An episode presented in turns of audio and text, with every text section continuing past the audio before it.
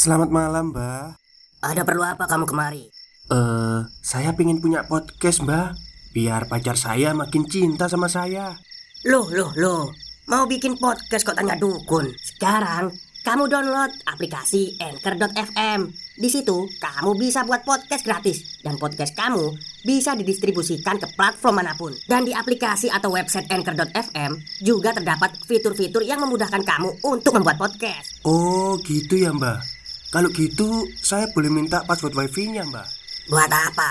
Buat download Anchor.fm, Mbak.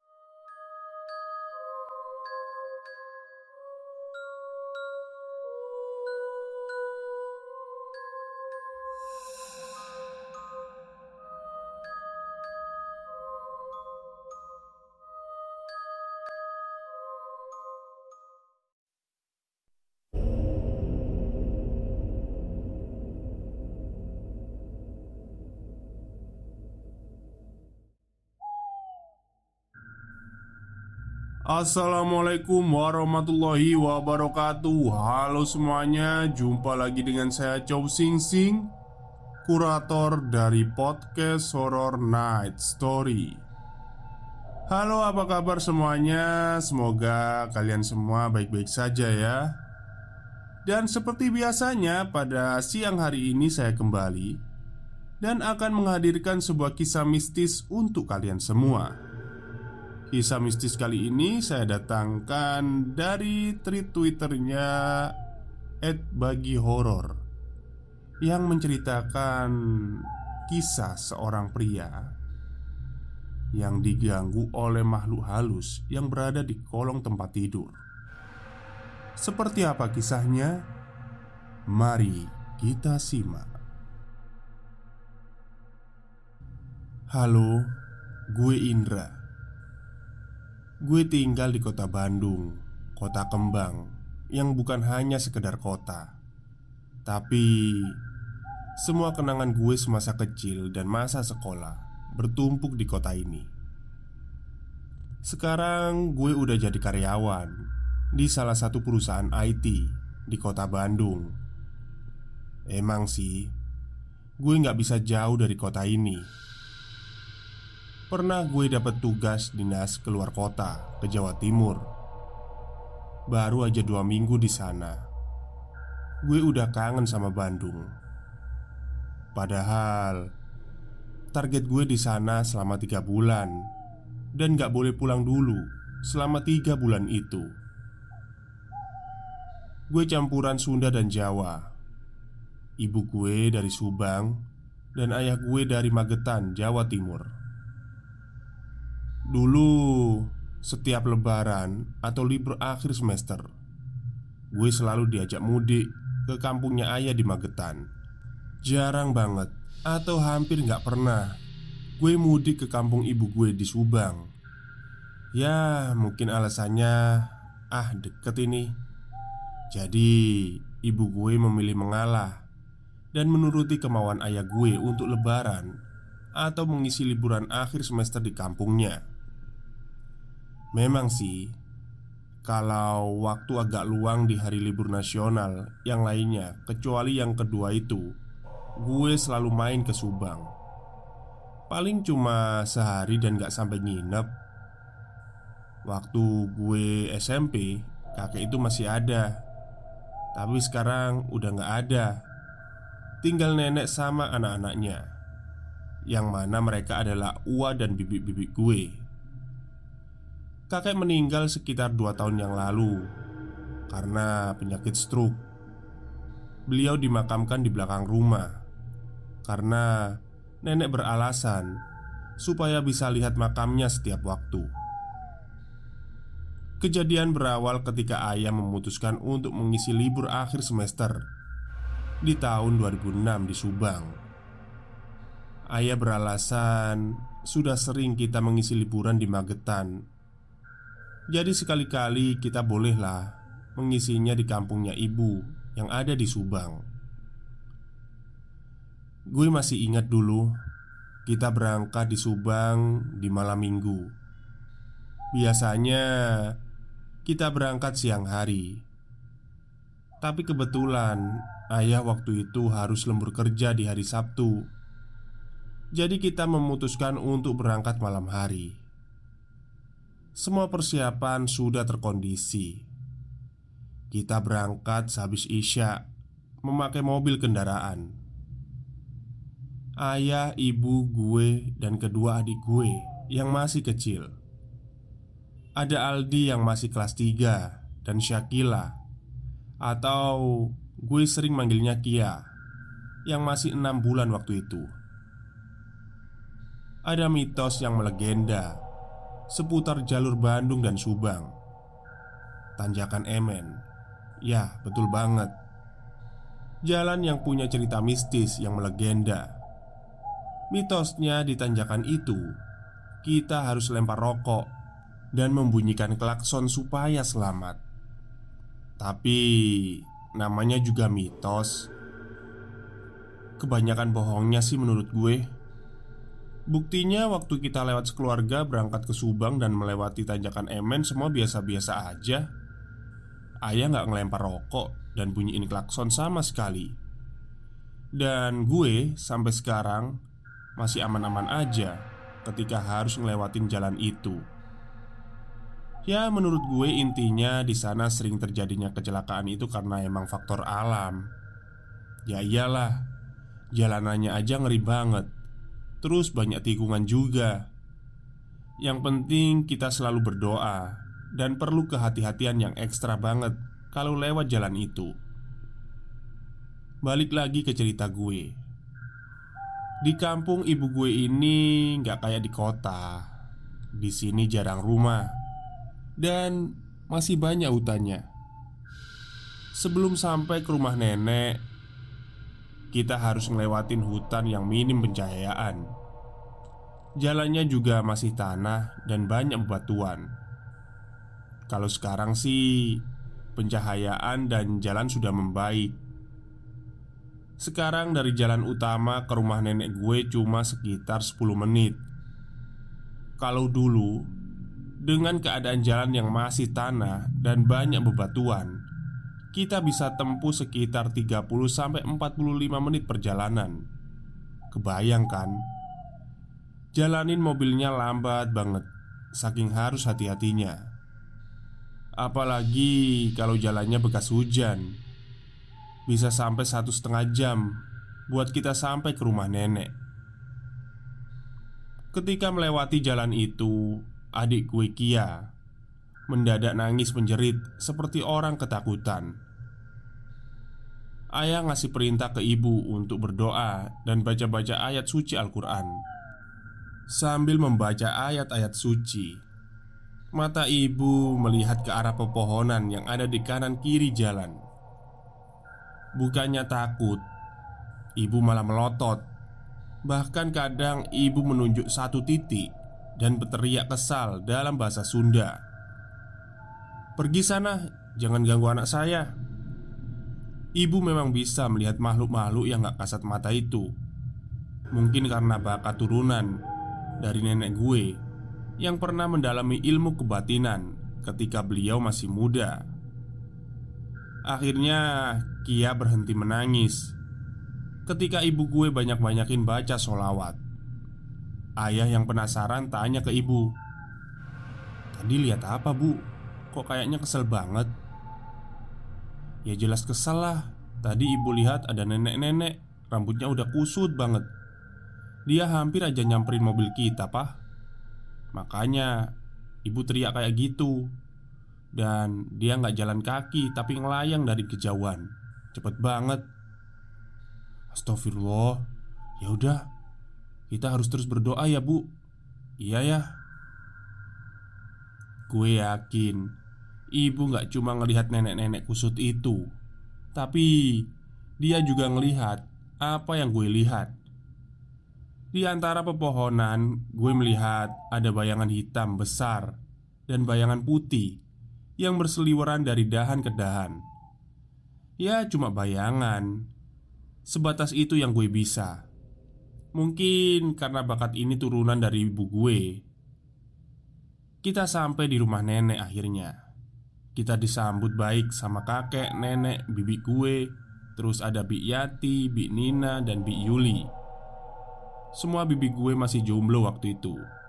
Sementara Uak gue, Uak Agus Tinggal beda RW dari rumah nenek. Dia sudah punya keluarga. Nenek langsung sadar sesuatu. Nenek bilang Eh, si adek ada yang gangguin ya?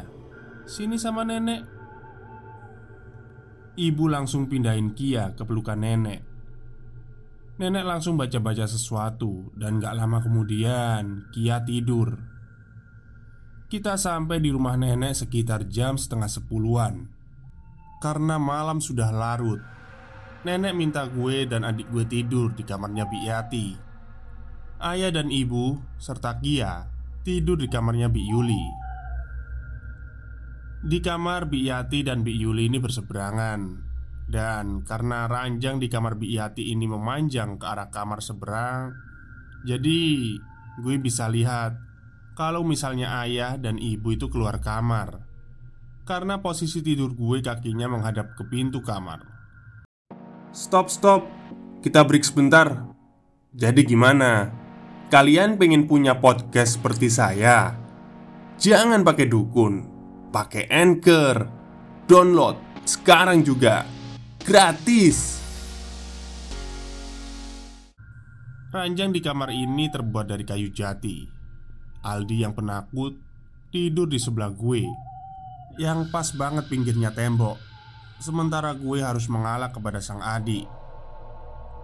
Gue yang ngantuk banget langsung tidur dan lupa menutup pintu kamar. Di tengah antara tidur pulas dan terjaga. Gue mendengar ada yang datang dari arah luar kamar Dan membuka lemari baju. Gue pikir Ah, itu pasti ibu. Singkat cerita gue dibangunin ibu untuk sholat subuh berjamaah. Kita semua sholat subuh berjamaah di tengah rumah. Sehabis sholat, gue tanya ke ibu Bu, Malam ambil apa? Kok pintu lemari nggak ditutup lagi? Ibu pun menjawab Loh, semalam ibu di kamar kok Nggak ke mana-mana? Ibu itu ke kamarnya kakak Cuma pas tadi bangunin subuh aja. Nenek mungkin. Oh iya, nenek mungkin ya Pikir aku. Karena masih ngantuk Gue pilih tidur lagi dan bangun jam 7 untuk pergi mancing ikan bersama ayah. Karena kakek gue ini punya banyak banget empang yang banyak banget ikannya. Empang-empang itu sebenarnya adalah usaha kakek gue di sana. Jam 11 siang ayah ngajak gue untuk balik ke rumah nenek. Tangkapan kita lumayan lah gede-gede 5 ekor ikan gurami Terus ayah nyuruh aku mandi setelah mandi kan aku masuk ke kamar untuk ganti baju. Nah ketika gue milih baju di tas gue Yang gue simpen di samping lemari Itu gue denger ada suara cakaran Dari kayu ranjang di kamar gue. Mungkin ada kucing kali ya Pikir gue. Suaranya jelas banget. Dan setelah gue cek ternyata nggak ada kucing setelah dipikir-pikir, suara cakarannya begitu berat. Kayaknya nggak mungkin deh itu suara cakaran kucing. Tapi ah, bodoh amat lah. Waktu itu aku cuek. Gue lanjut sholat duhur dan lanjut makan bersama keluarga yang lain. Malam pun tiba. Sehabis sholat isya, gue diminta tidur supaya subuh nggak kesiangan. Kayak biasa, Aldi tidur duluan. Gue tutup pintu dan matiin lampu Gue paksain tidur dalam keadaan gue yang masih belum mengantuk. Tiba-tiba Gue ngedenger lagi Suara cakaran itu. Gue penasaran dong Dan nyalain lampu lagi. Tapi gue gak nemuin apa-apa. Gue tanya ke adik gue Aldi Dek, tadi dengar suara cakaran gak? Adik gue pun jawab Ih, apaan sih? Dari tadi Aldi gak denger apa-apa Jangan nakutin deh gue matiin lagi lampu kamar. Gak lama, lagi-lagi suara itu muncul, dan gue lihat sesuatu yang aneh muncul dari bawah ranjang gue, tepat di sebelah kanan gue. Dalam keadaan gelap, gue lihat bayangan kayak ada jari yang keluar dari bawah ranjang. Ukuran jarinya bukan ukuran jari orang normal, lebih panjang dan punya kuku yang panjang. Refleks, gue langsung nyalain lampu. Gue lihat lagi, ternyata nggak ada apa-apa di sana. Ah, mungkin cuma halusinasi, pikir gue. Gue pun matiin lampu lagi, dan bener saja, gue lihat ada jari yang berusaha keluar dari bawah ranjang. Kali ini kelihatan tangannya. Refleks, gue nyalain lagi lampu kamar dan gak ada lagi. Gue kesel banget. Dalam hati gue, beraninya cuma gelap-gelapan. Giliran dinyalain lampunya malah ngumpet. Gue coba tidur dengan kondisi kamar yang menyala. Tapi karena nggak terbiasa, gue nggak nyaman. Aldi juga kebangun karena mungkin merasa beda Lihat lampu kamar menyala. Aduh, matiin lampunya kak. Gue menuruti permintaan Aldi. Lampu kamar gue matiin lagi. Ya, gue berusaha bodo amat lah. Akhirnya gue ganti posisi menghadap Aldi. Membelakangi pinggiran ranjang Tempat di mana tangan itu muncul. Lama-kelamaan gue merasa hawa dingin banget Menjalar ke sekitar perut gue. Seperti ada yang meluk dari belakang. Eh gue intip Ternyata bener Gue lihat itu tangan udah merangkul gue dari belakang. Gue juga merasa ada hembusan nafas berat Dari arah belakang leher gue. Punggung gue terasa berat. Gue juga mendengar ada suara berlarian Dari dalam kamar gue ini Kayaknya ada sekitar 3 sampai 4 orang. Langkah kaki anak kecil yang berlarian ke sana kemari. Gue mulai panik Dan berusaha menjangkau saklar lampu Yang gak jauh dari kepala gue Ketika gue nyalain lampu Mendadak Punggung gue ringan Dan suara lari anak kecil itu pun menghilang Gak mau ambil resiko Akhirnya lampu gue nyalain. Gue berusaha tidur dalam kondisi lampu menyala. Ya meskipun gak nyaman banget. Aldi pun gak kebangun lagi. Mungkin dia sudah berada jauh di alam bawah sadar Dan gak mungkin kebangun lagi. Dalam keadaan setengah sadar Gue dengar ada yang membuka pintu Menghampiri saklar. Dari nafasnya gue tahu itu ibu dan ibu matiin lampu kamar gue. Aduh, kenapa dimatiin? Akhirnya Rasa kantuk gue yang berat ngalahin kekhawatiran gue Pada apa yang gue alamin tadi. Saking ngantuknya gue pun terlelap tidur. Dalam mimpi gue bermimpi ada di kamar ini sendirian. Kondisi lampunya menyala. Tapi dalam mimpi gue Gue lagi duduk menghadap ke arah lemari baju Suara cakaran itu muncul lagi. Gue ngerasain panik yang sama ketika gue terjaga. Sekarang gue tahu asal cakaran itu berasal dari mana. Dari arah kolong ranjang. Akhirnya gue ngintip sedikit demi sedikit ke kolong ranjang. Dan apa yang gue lihat cukup bikin gue merinding hebat. Yang gue lihat di sana terbaring cewek yang rambutnya nutupin hampir semua badannya, dan apesnya dia menghadap ke arah gue. Mukanya pucat dan aneh. Dia memiliki kuku yang panjang. Ternyata asal cakaran itu berasal dari kuku-kukunya yang mencakari di tepian ranjang. Sambil dia ngelonin anak-anaknya yang juga berwajah aneh. Cewek itu senyum menyeringai ke arah gue. Tersenyum sambil matanya melotot penuh amarah ke gue. Gue yang kaget langsung kebangun. Gue nyalain lampu kamar dan mengecek di bawah ranjang. Ternyata gak ada apa-apa. Cewek sialan itu gak nampakin dirinya di kehidupan nyata gue.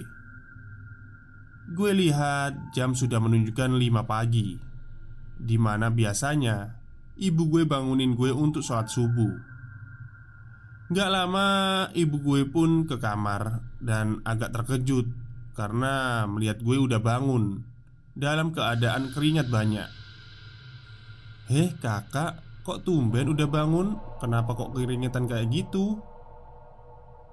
Gue yang masih panik cuma bisa jawab Iya bu Kakak gerah Jadi keringetan Oh ya udah, kita sholat yuk. Iya bu. Seperti biasa, sehabis sholat gue tidur lagi dan bangun sekitar jam 7 pagi. Gue keluar kamar. Di ruang tengah udah ada ibu gue dan nenek gue, masing-masing ngejalanin aktivitasnya. Ibu manggil gue, "Kakak, sini." Gue menghampiri dan duduk di samping ibu. Coba jawab, semalam di kamar ada apa? Eh, nggak ada apa-apa, Bu. Ibu menekan gue supaya jujur. Coba kakak jujur sama ibu, sama nenek, semalam di kamar ada apa? Menerima penekanan dari ibu, lantas gue jawab, "Itu semalam kakak digangguin sama tante-tante aneh. Ada tante-tante yang ada di kolong ranjang." Nenek terus memperhatikan gue dan ibu bicara. Gue heran, kok ibu tahu ya? Jelaslah, ibu tahu nak, tante-tante itu. Seketika nenek memotong pembicaraan ibu. Nenek bilang, dia itu buat bahan latihan, kak. Latihan? Tanya gue yang kebingungan. Iya, dia itu buat latihan bibit-bibit kamu Sengaja nenek simpen dia di kolong ranjang. Nenek yang mau. Gue yang masih bingung Kok gitu nek? Kakak masih gak ngerti. Ibu menimpali. Kak Nenek ini ngajarin anak-anaknya termasuk ibu Itu ilmu kebatinan. Dan makhluk yang ada di kolong ranjang itu Buat bahan latihan. Supaya kita terbiasa melihat makhluk kayak gitu dan supaya kita semakin berani Nggak takut lagi sama makhluk kayak gitu. Dan ibu sebenarnya udah tahu kakak ngalamin apa. Karena setiap ibu ke kamar Yati Kamar yang kakak tempatin itu Ibu suka ngelihat tante-tante itu di kolong ranjang.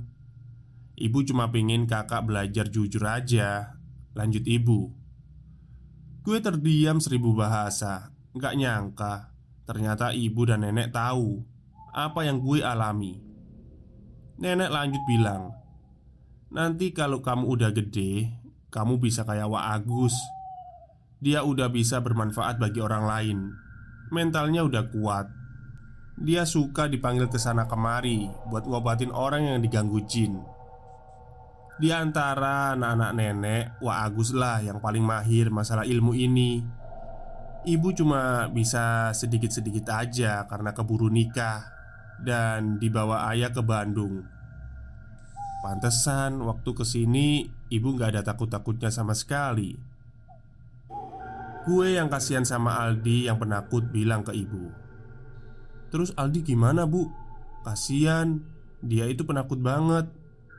Ibu ngejawab, Iya, emang beda, gak kayak kamu Aldi itu. Sama kayak Kia yang mewarisi bakat turun-temurun dari buyut kamu. Aldi itu itu urusan ibu. Ibu lanjut kasih solusi yang buat gue merasa lega. Sebenarnya kamu belum saatnya tahu masalah ini. Karena kejadian semalam itu emang sebentar lagi Kamu harus tahu masalah ini. Terpaksa ibu harus kasih tahu kamu. Untuk sekarang sebelum tidur Kamu banyak-banyak baca doa ya. Iya bu Kakak lupa baca doa. Nanti kakak nggak akan lupa baca doa lagi kok. Obrolan di pagi itu buat gue sadar sesuatu. Kalau niat nenek memelihara si tante buruk itu Supaya anak cucunya nggak takut Dan berani menghadapi makhluk astral. Singkat cerita, liburan selesai. Di malam-malam setelah kejadian itu Alhamdulillah Gue nggak digangguin lagi. Cuma memang Setiap gue ganti baju ke kamar Gue selalu dengar cakaran itu. Gue sadar itu si tante aneh. Tapi Gue cek di kolong kasur Gak ada apa-apa.